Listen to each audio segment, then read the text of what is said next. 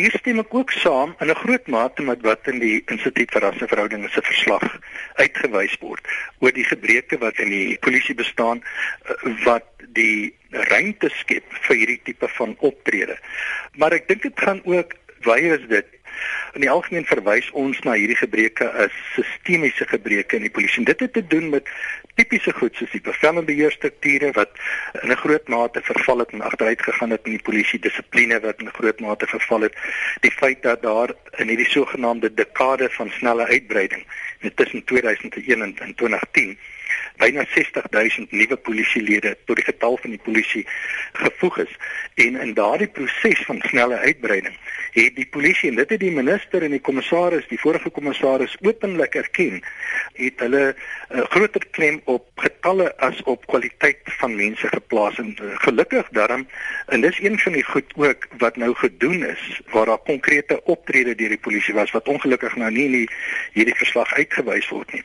Die hele werwingsproses proses is verander en dit is baie moeiliker nou vir iemand om in die polisie hulle pad in die polisie in te koop of dan die proses te manipuleer. Is daar 'n tekort van politieke wil om werklik van hierdie aanbevelings wat gemaak word deur hierdie instituut asook oor ander aanbevelings wat gemaak word om dit werklik te implementeer? Baie van hierdie aanbevelings van hulle klop met aanbevelings wat in die nasionale ontwikkelingsplan staan. En daardie plan is reeds deur die kabinet goedgekeur in November 2012 en ons sien ongelukkig nog geen implementering na meer as 2 jaar van daardie baie baie uh, goeie en konstruktiewe aanbevelings nie. So ek dink wanneer ons dit kan doen as daardie nodige politieke wil is om hierdie goed te doen wat ons almal erken 'n probleem is dit word in die nasionale ontwikkelingsplan erken dit is deur die politieke hoof en die vorige kommissaris van die polisie erken. So almal is bewus daarvan dat hierdie gebreke bestaan in baie gevalle ook wat die omvang van hierdie probleme is. Almal erken ook nou dat dit kan opgelos word en daar is 'n plan in die vorm van die nasionale ontwikkelingsplan. Al wat nou kort kom is dat daardie goed geïmplementeer moet word. En dit is jammer dat hierdie verslag nie aan daardie eh, tipe verslag en sy aanbevelings aandag gegee het nie. Is daar 'n bereidwilligheid om hierdie kwessies aan te spreek? Ek dink ons probleem is daar is baie polisielede seniorlede en ons praat gereeld met hulle wat ook desperaat is wat ook graag hierdie probleme wil aanspreek. Maar ek dink die probleem lê by die huidige leierskap. Ons sit in 'n situasie in die polisie en ek kan eerlik nou vir jou sê en mense kan my dalk daarvoor kwaadlik neem, maar as jy kyk na sommige van die sleutelfigure in die polisie, so topstruktuur, die nasionale kommissaris is 'n uh, 'n maatskaplike werker. Die hoof van haar strategiese bestuur is iemand wat teologie gestudeer het. Dit is twee voorbeelde. Een van die ander adjunkte is iemand wat 'n onderwysopleiding gehad.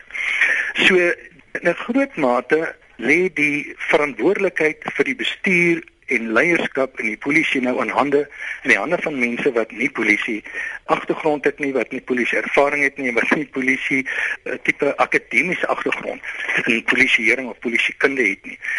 Vir my is dit deel van die probleem. Kyk 'n mens verder, is daar baie polisielede op senior vlak, dit luitenant-generaals, generaals, majoor en brigadiers en af onder toe wat wel die nodige kundigheid het. Mense wat baie baie jare se polisieervaring het, selfs op senior bestuursvlak en ook wat uh, in baie gevalle akademiese kwalifikasies verwerf het, veral wat polisiekunde of polisieering of selfs kriminologie en in die regte daardie tipe van agtergrond wat baie baie noodsaaklik is vir 'n polisieman. Daar is daardie mense wat dit het. Maar die vraag kan dan gevra word: Hoe is dit moontlik dat 'n organisasie wat oor sulke mense beskik, verkies om mense aan te stel wat nie daardie soort van kwalifikasies om ondervinding het nie. Ons bly by die storie en vir luisteraars wat pas ingeskakel het, een van die land se voorste kundiges oor sake rakende die polisie, Dr. Johan Burger van die Instituut vir Sekuriteitsstudies in Pretoria, is krities oor aspekte van die Suid-Afrikaanse Instituut vir Rasseaangeleenthede se verslag oor die polisie wat gister gepubliseer is. Nou een punt van kritiek was dat die 100 gevalle studies nie genoeg is om tot 'n gevolgtrekking te kom nie. Maar wat sê Marie Harris, direkteur van Ipsos ons oor die navorsingsmetodiek van die IRA. Ons praat nou met haar. Goeiemôre Marie. Goeiemôre Anita. Marie, jy was nou in jou loopbaan van oor die 25 jaar jaarliks by minstens 50 navorsingsprojekte betrokke. Wat bepaal riglyne in terme van wetenskaplike metodiek? Wel, dit hang natuurlik af van watter tipe studie jy wil doen. Vir empiriese navorsing is daar verskillende riglyne. Ehm um, ek kan aan ongeveer 10 dink. Ek gaan dit vinnig vir jou noem en net sê waaroor dit gaan. Eerstens, jou steekproeftrekking uh moet op 'n wetenskaplike manier gedoen word. Uh daar moet gekyk word uh hoe of almal binne in die steekproef 'n uh, meetbare kans het, 'n gelyke kans het om deel van die steekproef te vorm. Dan natuurlik die aantal onderhoude wat jy doen of die aantal gevalle waarna jy kyk. In hierdie geval het hulle na 100 gekyk. As jy na homogene gevalle kyk, dan kan jy minder onderhoude doen. As jy na 'n uh, universum kyk waar daar baie verskeidenheid is, moet dan natuurlik meer gedoen word. Ehm um, en as die analise wat jy wil doen of jy in die geheel wil kyk of jy subgroepe wil ontleed is belangrik.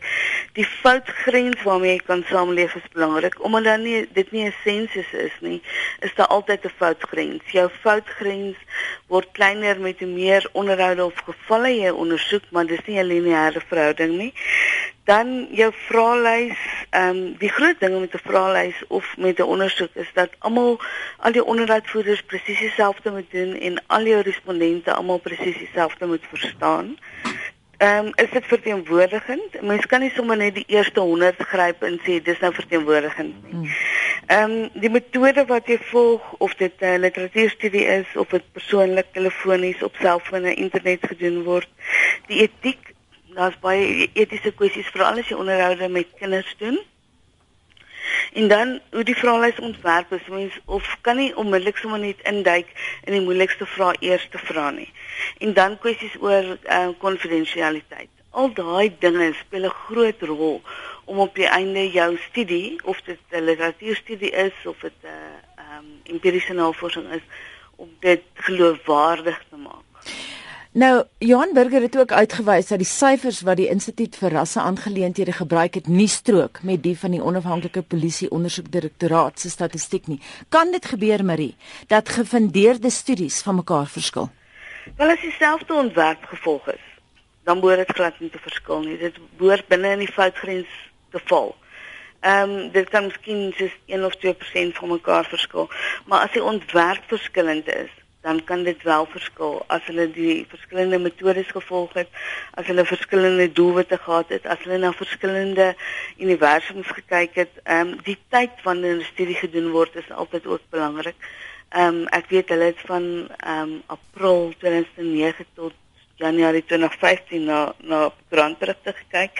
Ehm um, en natuurlik die tipe literatuurstudie wat jy doen is ook baie belangrik. So dit kan verskil, maar dit hang tot 'n groot mate af of die ontwerp dieselfde was.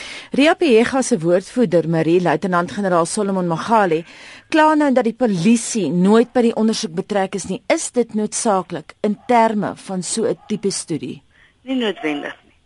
Dit sou goed gewees het om ook die polisie se oogpunt te kry om moontlik met polisie ehm uh, manne te praat om met die ehm um, mense in bevel te praat of so iets maar en dan natuurlik ook om in die publiek te praat wat hulle dink van die polisie maar eh, dit hang af. Hierdie was 'n literatuurstudie. Hulle was eerlik oor hoe hulle dit benader het. En dis nie noodsaaklik om die polisie so in as 'n oogpunt in ag te neem nie. 'n Ander punt van kritiek, eh, dis nou Burger Jan Burger wat so sê dat uh, slegs 100 gevalle 'n bietjie klein is, dis te min. Jy het self nou nou daarna verwys. Maar dan ook 'n belangrike feit wat ook uitgekom het gister in 'n onderhoud wat Burger gevoer het uh, op Spectrum, het hy gesê dat baie van die studies gebaseer is op mediaberigte. Is dit 'n goeie bron? Wel, um, dit kan wees, maar alle mediaberigte is gewoonlik bietjie gekleur natuurlik met die met die medium se se eie beleid en alles. Ek dink as mens eerlik is daaroor en sê wat jy gedoen het, ek sou byvoorbeeld uh gesê watter koerantberigte, watter mediaberigte ek na gekyk het. Ek sou 'n lys gemaak het van alles oor hierdie tydperk dan ewe kanse gesteekproef daar uitgetrek het en nie die eerste 100 geneem het nie. Ehm um, Ek dink as mens eerlik is, kan jy wegkom daarmee. Ek dink nie dit is noodwendig die beste ontwerpbestudie nie. Nou veldwerk is een ding, jy doen baie daarvan. Mm. Maar hoe betree mens fase 2, die ontleding daarvan? Dit is baie belangrik dat jy eerstens jou veldwerk moet so gedoen word soos wat ek nou genoem het dat jy 'n uh, verteenwoordigende steekproef uit jou universum, uit jou geheel uitkry dan kan jy ordentlike ontdelings doen. Anders kan jy dit eenvoudig net nie doen nie. Dan is daar navorsing nie die papierwerk waarop dit geskryf is nie. En ehm um, jy moet ook soos wat Johan vroeër na verwys het, mense hê wat geskool is in die proses. Ehm um, byvoorbeeld, jy kan nie ehm um, 'n uh, ou wat elke dag marknavorsing doen oor botter en kaas, skielik 'n studie laat ontleed wat uh, te doen het met die polisie of met politiek of so iets nie. So akademiese agtergrond van jou navorsers is ongelooflik belangrik. Die ehm um, ondervinding wat hulle het is baie belangrik. Want hulle kyk na dinge, hulle weeg verskillende goed te mekaar op. Hulle ehm uh, ontleed die verslag in sekere op sekere manier. Ons doen baie uh, statistiese ontledings daarvan. Ehm um, en mense moet altyd baie versigtig wees om nie sweeping statements te maak nie. Baie mense doen byvoorbeeld navorsing in metropolitaanse gebiede en dan sal hulle sê dit is wat Suid-Afrikaners dink. Of kom ons kyk na die na die Instituut vir Rasseverhoudinge se verslag. Ehm um, hulle dit nie noodwendig hulle nie, maar iemand ontleed 'n paar media verslae dan sê hulle alle media in Suid-Afrika sê so. Dit is daarom baie belangrik dat 'n mens dat daar 'n verband moet wees tussen jou universum en jou steekproef. Baie dankie en so sê die direkteur van Ipsos Marie Harris.